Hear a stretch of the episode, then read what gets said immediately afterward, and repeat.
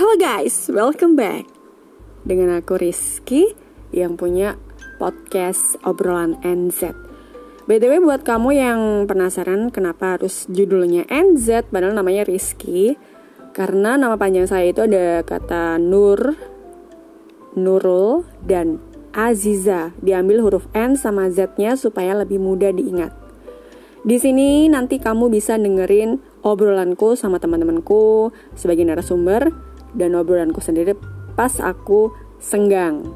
Jadi kamu nanti bisa ngambil apa pun yang kiranya bermanfaat supaya bisa kamu pakai hikmahnya atau pelajarannya.